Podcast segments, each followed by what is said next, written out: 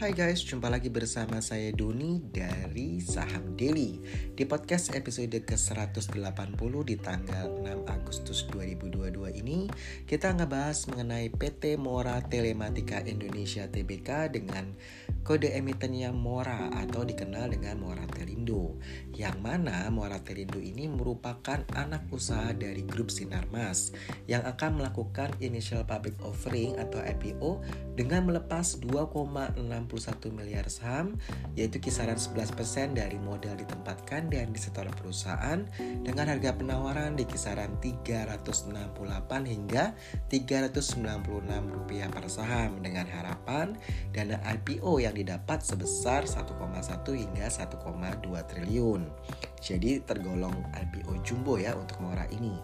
Alokasi dana IPO rencananya akan digunakan 85% itu untuk kebutuhan investasi guna ekspansi jaringan termasuk backbone, last capacity upgrades, infrastruktur pasif, dan sisanya 15% itu untuk modal kerja dan kegiatan usaha perseroan. Nah, Mora ini akan listed di Bursa Efek Indonesia tanggal 8 Agustus 2022.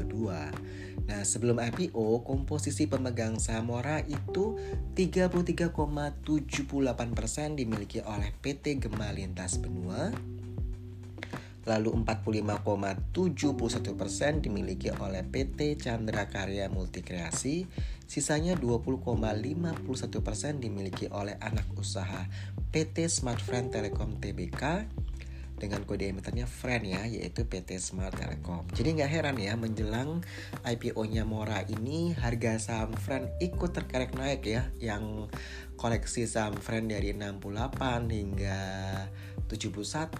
Nah, saat ini sudah mencapai harga 100 lebih ya per sahamnya sehingga memang euforia jadi animo dari trader itu benar-benar luar biasa hingga IPO-nya Mora ini mengerek harga saham Friend terlepas dari kinerja dari Friend yang semakin membaik. Jadi sudah uh, positif ya untuk kinerja dari Friend yang sebelumnya rugi-rugi-rugi eh jadinya jadi uh, laba. Sehingga harga sahamnya juga terkerek naik kita lihat hingga 31 Maret 2022 Mora mencatat peningkatan pendapatan sebesar 4,59% menjadi 1,02 triliun dari 981 miliar rupiah dibandingkan periode yang sama tahun lalu. Sedangkan laba tahun berjalan yang dapat diatribusikan ke pemilik entitas induk perseroan itu turun 0,91% menjadi 155,7 miliar rupiah dibandingkan kuartal 1 2021 yaitu sebesar 157,1 miliar. Mora ini bergerak di bidang infrastruktur serat optik untuk jaringan telekomunikasi yang berdiri sejak tahun 2000 di mana sebagai operator jaringan layanan telekomunikasi domestik yang menjalankan bisnisnya di bidang ekosistem broadband yaitu internet, pusat data, sewa jaringan interkoneksi domestik dan internasional. Saat ini Mora telah menggelar jaringan kabel serat optik sepanjang 36.951 km yang terdiri dari jaringan fiber optik darat dan laut.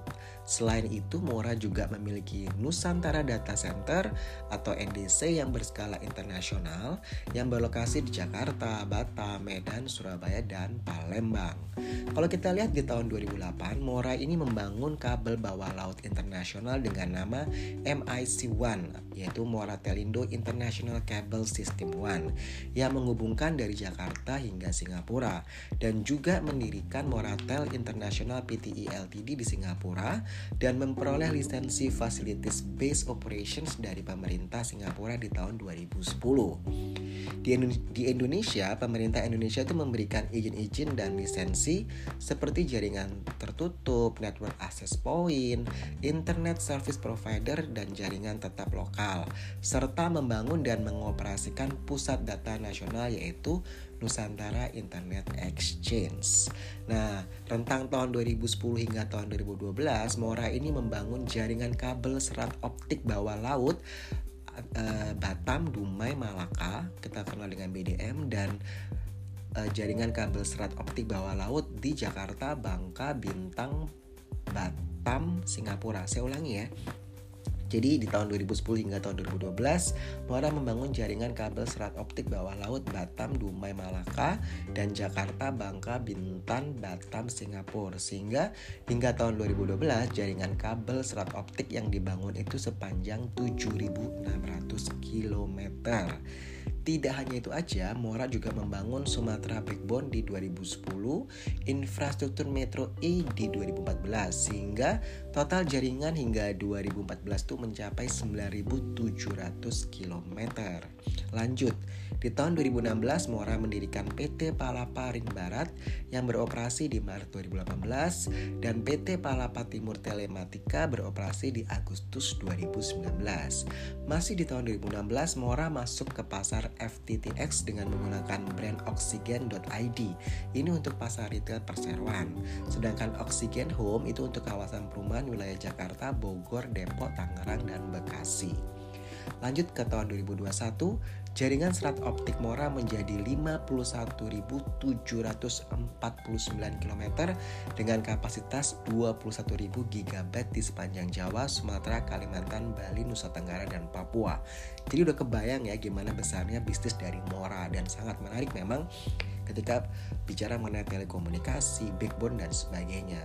Dan ini mungkin menjadi pertimbangan bagi investor maupun trader apakah ikut IPO. Wah, kalau ikut IPO apakah akan melakukan pembelian di market ya secara langsung itu juga bisa dilakukan. Yang penting teman-teman trader maupun investor itu udah tahu saham orang ini saham apa sih sebenarnya saham yang kalian beli itu saham apa di situ ya. Jadi untuk podcast kali ini kita disclaimer on ya di mana di podcast ini tidak bertujuan untuk mengajak membeli atau menjual saham tertentu.